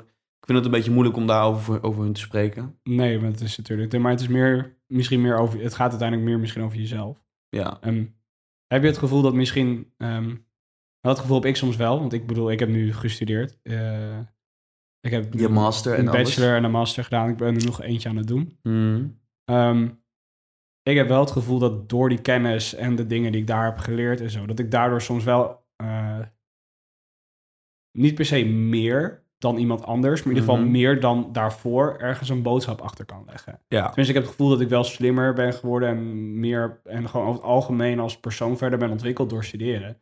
Dus als ik nu fotografie of film kunst zou maken, Mhm. dat ik in ieder geval wel eh, daar meer lagen aan toe zou kunnen voegen dan dat ik dat zelf kon daarvoor. Ja, dat denk ik ook. Ik, ik ben nu gewoon alleen maar kunsttheorie eh, en nu in het tweede jaar met name fotografie en filmtheorie aan het, aan het bestuderen. En ik merk gewoon wel dat, er, dat daar dingen naar voren komen die je misschien wel een keer gezien of gehoord hebt, maar nu echt meer tastbaar worden. Dus inderdaad, wat je zegt, jij hebt, jij hebt internationaal recht, als ik het goed heb, Min of meer. Min of meer. Internationaal strafrecht. strafrecht. Ja, ik ben niet zo thuis in het recht, maar nee, maar eh, eh, dat je op die, met, met die kennis weer je eigen verhaal zou kunnen maken. Ja, Vanuit die hoek. Van het En, internationale. Mijn droombaan zou eigenlijk het soort van het, het part-time werken als een soort van. Hoe zeg je dat? Een, een, als een. eh, zeg je dat? Gewoon een medewerker of een, een spokesman of voorzitter, weet ik veel wat. Van iets binnen de Verenigde Naties. En ondertussen, terwijl je naar landen afreist en daar helpt en veiligheidsdingen probeert te, te. Hoe zeg je dat? De veiligheid probeert te beschermen en zo. Dat je ondertussen ook eh, een soort van de vertaalslag kan maken naar mensen. Dat je zowel de intellectkant hebt, Mhm. eh, maar dat je ook eh, via film en via fotografie ook het een soort van toegankelijk kan maken voor de meeste ja. mensen. De, de, de, de gewone mensen vind ik altijd weer een soort van Ja, het denigrerend grote publiek. Het grote publiek, Ja. inderdaad. Want ik heb zelf heel vaak, wat ik wel zelf vaak zie, en dat vind ik lastig, is dat professoren zich bezighouden met professoren en fotografen zich bezighouden met fotografen en, en, en, Ja. of, of met het publiek. Ehm, en wat ik ook vaak zie, is dat dus dan de Verenigde Naties iemand inhuren als fotograaf die, en dan met alle respect, die hele mooie foto's maakt, maar die verder niet, die zegt, oh, goh, wat zielig dat ze zo weinig te eten hebben. Maar waarbij een soort van die gedachte niet verder, en die boodschap niet verder gaat dan dat Mhm. of zo. En wat ik wel eens jammer vind, is dat eigenlijk, ja, kijk, het klinkt heel dom, maar stel je zou mij als, als fotograaf erop zetten, Mhm. eh, ik, heb zowel, ik kan zowel fotograferen als dat ik het hele, het hele, de geschiedenis ken en hoe het in het recht het werkt. plaatje en snapt. Ik snap het plaatje en ik zeg niet dan dat ik dan per se beter ben of zo. Maar het lijkt me wel heel tof om dan zo'n vertaalslag te kunnen maken. Want het is Mhm. niet meer van ik maak foto's voor een organisatie, maar je bent een, je bent een soort van een belichaming van. Ja. ja, ik, ik vind het moeilijk om uit te leggen. Maar het lijkt mij heel tof als er meer mensen in die rollen zitten die ook echt in die wereld thuis zijn. Snap je Ja. wat ik bedoel? Ik snap wat je bedoelt. Ja. Ehm, Net als Eh, dat er fotografen die in de hip-hop-wereld zitten, dus mensen die sticks fotograferen, weet ik wel wat, om daar even een voorbeeld dan te nemen. mhm. Als die zelf ook ooit in die hip-hop-industrie hebben gezeten, dan klopt dat gewoon meer. Ja, En ik, mij lijkt het heel tof om, om ooit een keer, kwam dat ook denk ik wel pas in mijn fotografie, een soort van documentaire fotografie te doen voor de Verenigde Naties of zo. Omdat het ook iets is wat ik super interessant Ja. vind, los van de fotografie. Mhm. Maar wat je tegenwoordig gewoon heel erg ziet, is dat het, en, eh, gewoon, dat het super gescheiden is. Je hebt gewoon aan de ene kant, je hebt creatievelingen en fotografen, aan de andere kant heb je een soort van intellectuelen. Niet om te zeggen dat eh, fotografen intellectueel kan zijn, Ja. intellectueel andersom niet. Maar het is wel een beetje de kampje hoe het nu, nu zit. Nou, wat, gevoel. wat dus om even terug te komen op, op onrust. Dat is nu wel interessant dat, dat dus die, eh, dat die, eh, dat die Belgisch, Belgisch-Russische vrouw, of in ieder geval die in België studeert, daar toch wel een soort brug in slaat. Door, door iets te bestuderen aan de hand van een kunstproject. Ja, en dat vind ik dus, dat ik, toen ik zag dat zij dus een PhD-student was, dat, vond ik, dat vind ik meteen tof. Want dan heb zoiets van, Mhm. hé, hey, dat is een soort van ook een academisch iemand die wel super creatief en met, met kunst bezig is. En dat vind ik zelf heel dope. Ja. want Dan heb je een soort van dat cross-platform, eh, een soort van die kruisbesmetting. Ja, ik vind, ik vind sowieso ook altijd... Dat vind ik heel Ja. tof. Ja, ik vind het sowieso ook interessant om, om iets van een kunst gebaseerd op iets, op, op iets wetenschappelijks vind ik altijd, vind ik altijd gewoon. Ja, dat is toch een, een soort nieuwe prikkel of zo. Dat vind ik gewoon altijd wel vet om te zien. En helemaal toen ik, wat je zegt, toen ik, toen ik dat zag, dat ik, oké, ja. Dat is wel echt eh, een, een, denk ik een goede manier ook om, om, om iets te kunnen bestuderen. Ja. Ja. En, Mm. eh, maar zoals je zegt zelf, van die kunst leren gaat, dus jouw je meer theoretische vakken gaat je goed af. Is er dan ook iets wat jou misschien denk je gemiddeld ge- meer aan zou spreken dan de meeste van je medestudenten? Of dat niet per se? Ehm, nou, ehm, Heb je erover nagedacht om op de universiteit te gaan studeren? Ja, heb ik gedaan. Welke studie? Dat wist ik. Ik, ik, heb, ik heb een aantal. eh, ik heb in Utrecht gekeken bij ehm, iets met eh, multimedia. Nou goed, ik heb in ieder Maar geval. wel na- allemaal media gerelateerd. Ja, en ik, ik, ik, ik kwam daar binnen en ik merkte op de open dagen en op presentaties ben ik best. Ik ben best wel veel. Ik heb best wel veel gezien. Voor, ik heb wel echt een, dus een overwogen keuze gemaakt. Maar ik merkte gewoon bij die, dat universitaire studies gewoon echt puur gericht waren op studeren. Gewoon echt Ja, dat merk Boek- ik ook heel boeken, erg. boeken lezen, scripties schrijven. Eh, dat- snap je? Gewoon theorie. En ehm, ik wilde dat niet, niet meer zo erg als dat ik dat nu... Zo dat dat- snap ik. Zeg maar, de VWO is, ook, is dat ook. En dat is natuurlijk voorbereidend op, op de univer- universiteit. Maar dat was gewoon... eh, dat vond ik wel een keer klaar geweest. En eh, toen kwam ik dus naar uit. eerst in Utrecht bij de HKU heb ik het geprobeerd. En dat is op zich gelukt. Maar toen, ja, de combinatie van film en fotografie... die naar mijn weten eh, uniek is in, eh, in Nederland sowieso... Op een, op een kunstacademie, dat vind ik gewoon... Dat is voor mij de doorslag eh, geweest om naar Breda te gaan. En nu dus op Sint-Joost ehm, te studeren en Ja. nu te wonen. Ja, ik, heb, ik heb er zelf ook altijd al over getwijfeld. Dat ik dacht, alleen dacht altijd als ik dan een kunstopleiding... Want ik dacht, oké, fotoacademie. Maar ik wist niet of ik daar binnen zou komen. Mhm. En ik wist ook niet of ik wel mijn hele leven zou willen fotograferen. En ik had ook wel wat gedebatteerd. En nou, ik zat, zat gewoon VWO en ik vond Ja. het op zich politiek en recht en zo. Ik vond het allemaal interessant. En ik heb toen gedacht van, ja, maar kijk, ik kan ook kunstenaar worden zonder opleiding, maar ik kan geen advocaat worden of Ja. rechter of jurist of weet ik veel wat zonder opleiding. Mhm. Dus toen dacht ik, oké, ik kies de veilige keuze, ik kies een meer traditioneel beroep, ik ga dat doen. Ik ben niet die kunstdingen gaan doen. Maar wat ik ook dacht is van, oké, fotoacademie kom je waarschijnlijk niet binnen. Dan heb je als tweede, soort, nou niet als tweede keus, maar een soort van, nog steeds een hoge, waar nog steeds volgens mij wel een hoge drempel is, maar wat lager is, bijvoorbeeld in Breda of de HKU in Utrecht. Ja, dat, ja, goed. Dat Maar is, ik dacht, dan moet je ook gaan tekenen en shit en, en kunst. En dat kan ik helemaal niet. Dus ik dacht, Nee, daar, daar maar val dat kan ik, daar ook val ik niet. keihard door de mand. Nou goed, dat, dat is misschien, dat wordt echt een drama als ik dat is misschien een kleine, kleine misvatting, want ik kan het ook niet. Maar het gaat, het, het, ehm, ehm, zeg maar, het gaat niet om dat het mooi is allemaal. Je moet gewoon, zeg maar, je concept, als je concept sterk is, dan, dan, dan kan je drie strepen op papier zetten en dat kan vet zijn, snap je? Ja. Dat is de reden dat, dat, dat, dat sommige kunstenaars letterlijk gewoon witte doeken ophangen met witte verf. Maar het, het concept is sterk. En dat is ook wat je leert op, op die academie, is je concept bouwen tot, tot iets wat tastbaar is en ehm, dusdanig veel impact heeft dat het ook iets achterlaat bij de mensen. Maar, dat, dat je- en, en word je dan bijvoorbeeld vooral eh, gestuurd om je, je, je sterke punten, te, je krachten te gebruiken? Zoals dat bij jou bijvoorbeeld ligt in film of fotografie. Word je ook wel uitgedaagd te zeggen van... Zoek ik nou niet per se meteen in, in film of nou fotografie? goed, het, in het eerste half jaar van, van je eerste jaar op de kunstacademie in Breda, tenminste, ik weet niet of dat, of dat iets is wat overal gebeurt, maar hier is het wel. Je meldt je aan voor een studie, je wordt aangenomen. Eh, maar in het begin zitten alle studie, studenten van verschillende studies door elkaar heen. Dus ik zat in de klas met illustratiestudenten, met grafisch eh, eh, eh, studenten en met beeldende kunstenaars. Dus echt, zeg maar, dat hele losse, ja, echt dat losse vak dat je echt Pottenbakkers. Ja. echt dat, dat, nieuw, dat losse, het losse staande van de vormgeving. knutselen, ijzel, ijzer, Ja. Van alles, dat kan alles zijn. Ehm, en wat je daar, daar kreeg je dus hele eh, open opdrachten altijd, waar je dan een, een paar weken voor had. En op een gegeven moment kom je er dan wel achter dat je uiteindelijk toch wel neigt Naar iets. naar de fotografie of film. Je begon dan vaak, nou, één opdracht, ik moest in, in- in- na de eerste les, zei, was het huiswerk, 50 tekeningen maken in een week, of 50 werken maken in een week, over een bepaald onderwerp.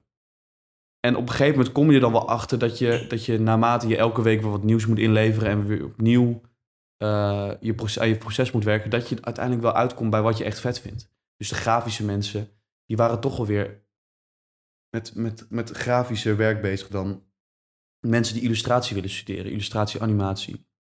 Die zijn gewoon vooral echt, echt aan het tekenen en echt, weet je, niet alleen maar letterlijk het onderwerp mooi op, maar schaduwen, kleur, al die shit. Dat, daar ben ik gewoon niet goed in.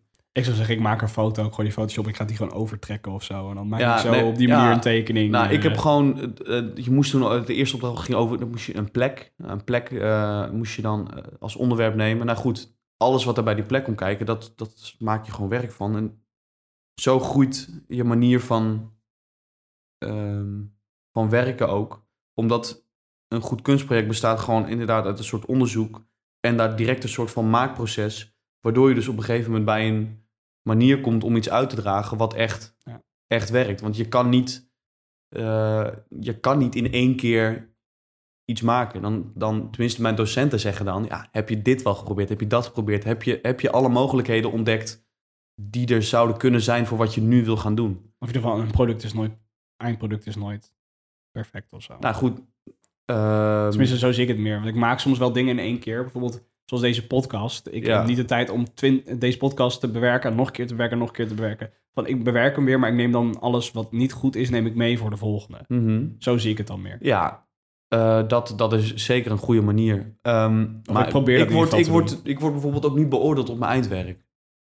De procesbeoordeling. Het is, het, is, het is eigenlijk een procesbeoordeling. Stel, ik zou, nog, stel, ik zou bij mijn, eh, eh, bij, aan het eind van dit jaar iets moeten inleveren. En mijn eindproduct is nog niet wat het voor mij moet zijn. Maar ik ben wel van A naar, eh, noem een leuke, leuke letter, naar de T. Weet je? Dat je niet bij Z bent, dat het niet af is. Maar dat je wel echt, Vooruitgang. dat je echt merkt dat je, dat je, de, dat je verder bent gekomen dan waar je begon. Ja, dan, kan ik gewoon, dan haal je gewoon een, een prima cijfer.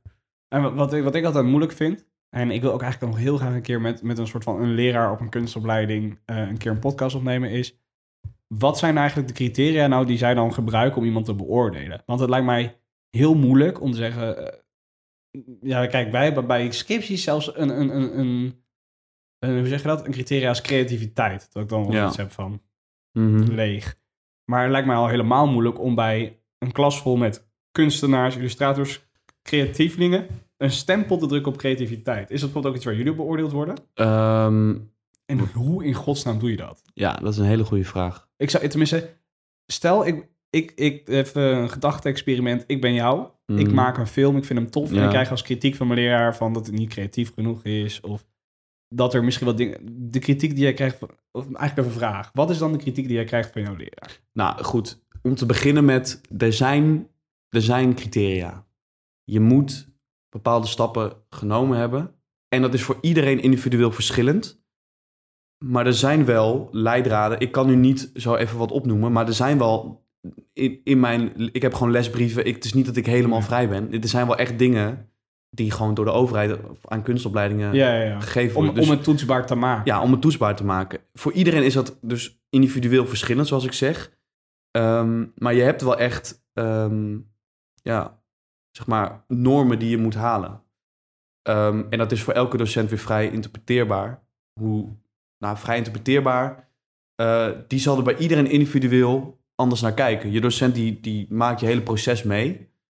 Ehm, je, je bent gewoon aan het studeren. En als een docent merkt dat jij niet vooruit bent gegaan en dus niet aan bepaalde normen die er, die er staan voor dat semester voldaan hebt, dan zal je, Ja. dan zal je een minder hoog cijfer krijgen. Ehm, veel, veel van mijn docenten zeggen wel van ja, die cijfers vind ik een beetje onzinnig. Ehm, je hebt het gewoon of je hebt, je hebt het voldoende gedaan, of je hebt gewoon echt aantoonbaar te weinig gestudeerd. Ja, want precies, dat is lijkt mij het gewoon het enige wat ik denk als, als leraar en als ervaringsdeskundige kun je wel zien of ergens veel of weinig werk ingestoken is. Of ergens moeite, bloed, Ja. en tranen ingestoken is of niet. Maar voor de rest is, voor mijn gevoel, is, behalve als je het gaat kijken van, is het, behalve als je het heel gaan toetsen van, werkt dit voor een groot publiek? Dat is alweer anders. Ja, bij een, werk, dat- bij dat- een werkgever zit je dan al meer. Ja, Maar voor mijn gevoel is verder eigenlijk kunst heel vormvrij. ja dat is super. Dus behalve als je, als je aan het begin tegen je zegt, dit is mijn concept. En de uitvoering daarvan is gewoon heel, echt heel slecht. En dat, dat kan je echt zien of zo. Het is dus, Mhm. het zit echt in, Nou, maar- in- het zit niet in het, in het stuk, laat maar het, als je het wel een cijfer zou uitdrukken, het stukje tussen de 5 en de 8, Ja, of 5 en de 10, ja. lijkt mij heel moeilijk. Terwijl het stuk 1, 1 tot de 4, dus gewoon een dikke onvoldoende is. Mhm. Dat lijkt mij nog wel een soort van te doen. Maar het lijkt mij heel moeilijk als een leraar tegen mij zegt van ja, je hebt hier niet misschien een soort van vormvoorschriften voor fotografie voor film gevolgd. Terwijl ik zoiets heb van ja, maar boeien, dit werkte beter voor het verhaal wat ik wilde vertellen. Ja, maar waar het dan om gaat is dat je, eh, zeg maar, de vorm is inderdaad helemaal vrij. Zeg maar, eh, Dus daar zul je ook nooit kritiek op... Als jij niet de rule thirds volgt of zo, krijg je dan... dat, krijg je dan- dat, dat, dat zou mijn docenten echt een worst wezen, joh. Want dat, dat, zou, dat, zou ik, dat zou toch iets zijn waarvan je zegt... dat is een van de toetsbare dingen als je een foto nee, bekijkt. wat toetsbaar is, wat mijn docenten als toetsbaar zien en wat, wat, wat bij ons op school toetsbaar is, is dat je vooruitgang gemaakt hebt. In je, in je manier van uitdragen wat jij vindt. Dus eh, inderdaad, als jij zo- eh, de compositie perfect is, dat, dat, dat, dat, Dat boeit ze ook niet. als dat niet werkt voor jouw project, dan ga je toch geen eh, perfecte composities maken. Ehm, waar het om Ja, gaat is dat het je... me zo moeilijk om ook... Maar, vooral, Ja, nee, waar, maar waar het om gaat is dat jouw docenten, die volgen jou van, van de hele Ja. academie door. Die hebben ehm, ehm, je... Soms, sommige docenten hebben je zien binnenkomen en die zie je nu in jaar twee eh, nog steeds dingen maken. Als die het gewoon zien, dat je, dat, dat je gewoon niet, ehm, niet verder bent in- hier en in wat, je, wat voor beeld eruit komt. Maar krijg je dan ook beoordeling over een langere periode? Krijg je dan van blok Nou, je, krijgt blok? je, je, je krijgt per semester, en dat is een half, dat is een, nu ze hebben volgens mij twee semesters, dus dat is gewoon een half jaar. een half jaar. Dat is best wel lang. ja. En als jij daar Gewoon gewoon, als je elke dag met, met kunst bezig bent. kijk, ik word beoordeeld aan de hand van een werkboek ook. Dat is gewoon een, een lege dummy waarin ik mijn bevindingen van, van bepaalde projecten, dus over onrust zal ik ook mijn bevindingen en bepaalde interessante stukjes. Daarom is ik, ik heb de hele tijd dingen lopen fotograferen en Ja. filmen. Dat is voor me, ook voor mijn studie. Want het is ook gewoon een, kunst is ook gewoon onderdeel van mijn studie. Dus ik leg dingen vast en ik haal er dingen uit die ik interessant vind. En op die manier kunnen docenten ook zien wat mijn interesses liggen en waar ik Waar je mee bezig Waar bent, waar ik mee bezig zelfstandig ben. ook. eh, Ja. En wat je eruit, wat je uit iets Ja, haalt. als ik mijn proces niet op die manier documenteer, dan zal ik een onvoldoende krijgen. Nee, Want dan dat is het ook niet. eh. Ja. Ehm, op, aan- op zo'n manier kan je zien dat ik dat je bezig bent. Dat je altijd dat het, dat het, dat het aanstaat, snap je? Ja. Ehm, mensen die gewoon ehm, een week van tevoren beginnen met een projectje en dat, dat inleveren als, als eindproduct. En daarvoor eigenlijk niet kunnen aantonen dat ze wat gedaan hebben. Ja, dat is Ja, gewoon. dan kan je dan, en ook al, als je dan ook al heb je je dan heel technisch aangelegd, dan zie je Ja. die skills terug, maar je ziet wel dat er misschien Kijk, we niet- hebben, we, we hebben mensen op school die van MBO komen, die gewoon inderdaad eh, gewoon een mediaopleiding gevolgd hebben, die dit soort die, die, die, die skills zijn heel die, goed. die, die skills, die kunnen die camera's die hier staan, die kunnen, die, die kunnen hier perfect mee werken. Maar als die niks nieuws voor zichzelf leren, niet een, een, een, eh, een stap verder komen in hun, in hun, in hun maakproces, in wat, wat ze willen vertellen, wie, ben, wie, ben, wie zijn ze nou? een weet je soort van het verschil van maker tot kunstenaar. Ja, Een soort van die ruimte daartussen eigenlijk. Die Ja, ontwik- die- eigenlijk is ja. het een soort van die ontwikkeling. het is eigenlijk gewoon, eigenlijk ben ik gewoon het mezelf aan het ontwikkelen en hoe dat er verder uit komt te zien, dat bepaal ik helemaal zelf. Maar het moet gewoon een stap verder zijn. Ja. Het klinkt misschien, zeg maar, ja, als je Nou, het gewoon... lijkt mij gewoon heel moeilijk, ook voor jezelf, van dat als ik dan bezig zou zijn met een project, dan lijkt het me ook heel moeilijk om te zeggen van, oké, nu is dit project klaar, of dit project is misschien niet technisch, maar eh, eh, maar in mijn Mhm. hoofd, in mijn ontwikkeling ben ik verder dan ik een... Ja, een het is blog- inderdaad... Het lijkt mij ook best wel moeilijk tegenover mezelf om te zeggen van, oké, ik kan deze nu inleveren, want hij is goed genoeg. Nou, Snap je wat ik bedoel? Ja, ik denk Dat wel me dat... ook heel lastig. Als je een vet mooie film maakt, je technische skills zijn supergoed. Je levert gewoon een goede film in en je krijgt een onvoldoende terug omdat je ontwikkeling niet goed is. Dus dat is ook zeggen van... Nou, als je- Motherfuckers, ik heb een fucking goede film gemaakt. Kijk, jij moet gewoon kunnen aantonen dat je dus, als jij in die film gewerkt hebt, dat je daar dingen in hebt, dat, je, dat jij eh, geïnspireerd bent geraakt door andere makers, dat jij eh, dit dingetje uit, uit je leven hebt geplukt om daar iets mee te doen, dat jij nou, iets gezien hebt, eh, gewoon weet ik veel. Stel de kleur geel van de planten die er buiten staan, die trekken jou zo aan dat je daar iets mee wil doen Maar je moet dat het allemaal vastleggen. Dus, dat wel. Nou ja, goed, allemaal vastleggen. Je moet het gewoon voor jezelf meenemen en eh, daar weer iets nieuws van maken. Ja. Dus je moet het eigenlijk een soort van verantwoorden. Ja, je moet het wel kunnen verantwoorden wat je gedaan hebt. Als je En maar wat als jij nou iemand bent die alleen maar eh, die vooral intrinsiek... eh, dus bijvoorbeeld, ik ben iemand die heel veel denkt. Ik heb uh, angststoornissen zo gehad. Ja. Stel, ik hou daar al mijn inspiratie uit. Dus ik hou het heel erg van Ja, dat kan. intern. Dat maar dat moet je dan ook allemaal wel... Nou, wat, je daar eh, dan, wat je dan als verantwoording, verantwoording of als, of als processing kan zien, is dat jij, voor. dat jij daarover schrijft. Dat jij daarover misschien wel tekeningen maakt. Of misschien een bepaalde eh, stijl van fotografie bestudeert. Er zijn genoeg makers die ook met dit soort, met dit soort problemen kampen. En op die manier eh, jezelf en de beelden die jij maakt omtrent dit onderwerp Ja. verbetert.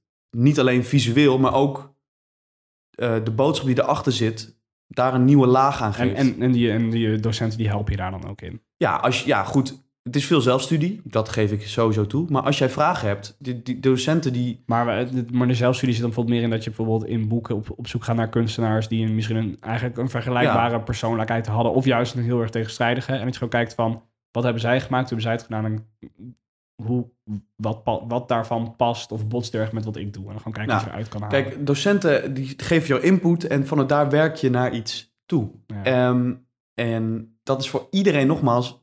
Het is niet een vast curriculum wat iedereen volgt. Nou, kijk, voor, voor ons is het gewoon makkelijk. Wij hebben gewoon een, een dame met een Ja, antwoord. maar Maar dat, het, het is gewoon, maar dat leek mij gewoon, dat is een van de dingen die ik heel interessant vind aan kunstopleidingen. Van dat ik echt zoiets heb van, nou, dat heb wel, ik had het al met KC, met soort van het, het, knutsel, het knutselvak op school. zeker fijn. Ja, daar had ik vaak al zoiets van, ja, eh, ik vond het toen altijd al zo kut waarom het ene een 7 was en het andere een 8. Ja, Eh dat ik altijd zoiets van, ah, maar dit is toch gewoon wie het mooist kan tekenen, of zo. Snap je wat ik bedoel? ja, En ik, Ja. en ik zat me er toen al aan te ergeren. En dat is ook echt een van de voornaamste redenen geweest dat ik geen kunstzinnige opleiding wilde gaan doen. Dat ik wist dat ik mezelf zo gek zou maken daarmee. Maar misschien is dat eerder een probleem van mezelf dan van het Ja. systeem. nou ja, ik denk, ik denk dat je open moet staan voor het systeem wat er is. Ja. Dus ik merk, ik merk gewoon nu dat jij gewoon... Jij hebt gewoon altijd op de unie gezeten, op middelbare school gezeten. Daar zijn, he, daar zijn hele duidelijke... Richl, wat duidelijk, duidelijkere richtlijnen. Maar ik had daar gewoon vaak, vaker het gevoel van als ik, het had, als ik het had verpest, dan wist ik het ook wel. En dan zag ik het terug in mijn cijfer. Dan had ik het goed gedaan. Dan Ja. wist ik het ook wel en zag ik het goed in mijn cijfer. En ik had vaak als ik daar tekeningen maakte. Ja, ik wist dat ik niet goed kon tekenen. Maar ik had wel vaak creatieve... ik, ik had altijd wel weer een soort van andere aanvliegroute of zo. Mhm. Maar ik kreeg wel vaak gewoon zeventjes en zesjes. Ik kreeg nooit een keer echt een hoog cijfer, omdat het zo'n creatief idee was. Misschien ook wel dan mijn, mijn eh, CKV-leraar, waar dat dan... eh, Ja. Ja. maar ik vond het zelf... Ik, en ik ontwikkelde me voor mijn gevoel wel, maar ik voelde me daar niet echt door, door uitgedaagd. Of ik vond het nou niet echt een super leuk of bijzonder vak. Ik vond vaak juist de theoretische stukken over wanneer ik een keer een filmpje kon maken. Dan vond ik het leuk. Maar voor de rest vond ik het niet... eh, ja, ik denk dat je dus... Ik deed wel donders hard mijn best, maar ik kon gewoon niet tekenen. Kijk, wat ik altijd had op de middelbare school, als ik dan inderdaad in een soort filmmanier iets inleverde, vond ik het heel vet om binnen de beperkingen die er waren, iets eigenlijk wat dus Niet de opdracht was. niet de opdracht was, maar wel precies erin past. Dat probeerde ik ook altijd. Ja. En nu op, de, op, de, op die academie is het gewoon dat, het, dat, Dat je dus in een soort veel groter veld van mogelijkheden moet jij jezelf eh, zoeken als maker. Wie, wie- Ja. wat wil ik uitdragen? is eigenlijk een ben ik? soort van eh, steeds, steeds verder inkaderen waar, jij, Ja. waar jouw niche, Je- waar jouw je- plekje je- zit. Je begint zo, echt. En op een gegeven moment denk ik van, nou goed, Ik denk wel dat je nu net buiten beeld valt, maar... eh, Zo. en dit stuk, dat wat hier zit, vind ik sowieso al kut. En daar Ja. kan ik als dus maker niks gewoon mee. elk jaar is gewoon steeds Ja. dichter komen bij je niche. Totdat, bij- tot, totdat jij op een gegeven moment denkt van... dit is de manier hoe ik dit, deze onderwerpen eh, eh, vind ik interessant. Eh, op deze manier kan ik dat het beste eh, laten zien. Ja. Dit ben ik als maker. Dat is, wat, dat is de enige en- wat je leert op de is- academie. Dat is dan het begin van jou als kunstenaar. En dat kan uiteindelijk wel weer groeien tot iets groters. Maar dat is een soort van waar jij zelfstandig Nou goed, zal beginnen zo- als je van die opleiding afkomt. Zo, zo heeft... Nou, Stix heeft, heeft precies hetzelfde. Die is gewoon... Die, op zijn manier heeft hij zichzelf tot, gemaakt tot wie die is. Ja. En nu is hij dan weer nieuwe dingen aan het ontdekken... om zichzelf nog beter te kunnen definiëren. Als Ja. persoon en als, en als wat hij vindt. Ehm, en daar ben ik nu ook mee bezig. Dus ik ben nog... Ik ben, nogmaals, ik ben 19, jongboy... en ik ben mezelf nog aan het ontwikkelen. Ehm, maar ik denk dat ik door middel van deze opleiding... eh, mezelf als maker nog meer kan verbeteren. Dus het is, het is meer een soort van... Het is een meer een ideologische, filosofische achtige... Ja, het is moeilijk, maar het is Mhm. meer een, een mentale misschien. Of een, een, een, een, een, ontwikkeling qua geest. Dan Ja. per se van technische skills. Ja, we zitten hebben, er wel ook technische vakken bij. ja, we hebben nu in het tweede jaar eh, krijgen we ook gewoon eh, Moet ook wel. theoretische lessen over, eh, over camera's en over lichtgebruik. theorie is nodig om ja, je boodschap beter uit te uiteindelijk, drukken. uiteindelijk je Dus moet het is gewoon een goede, een goed evenwicht tussen die twee. ja, om, om sommige, zeg maar, om jouw verhaal of jouw, jouw, jouw werk best kunnen uitdragen, moet jij volledige, volledige controle hebben over de materialen die jij gebruikt. Ja. Dus ehm, als je, jij moet zoveel mogelijk weten over de spullen die jij gebruikt. Want als jij daar niet het maximale uit kan halen, kan je misschien ook niet het maximale halen uit wat je wil vertellen. Nee, dat snap ik.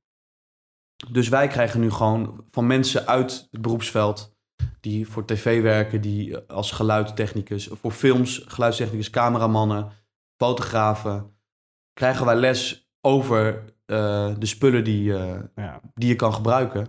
Om dus alles te kunnen overwegen als wij een project gaan maken. Maar de nadruk ligt dus wel meer op de ontwikkeling van het individu dan de ontwikkeling van de skills. Ja, Ja, ik denk dat we gewoon nu heel veel mooie dingen hebben besproken. Een beetje over jou als maker. Ja. De ontwikkeling die je nu doormaakt.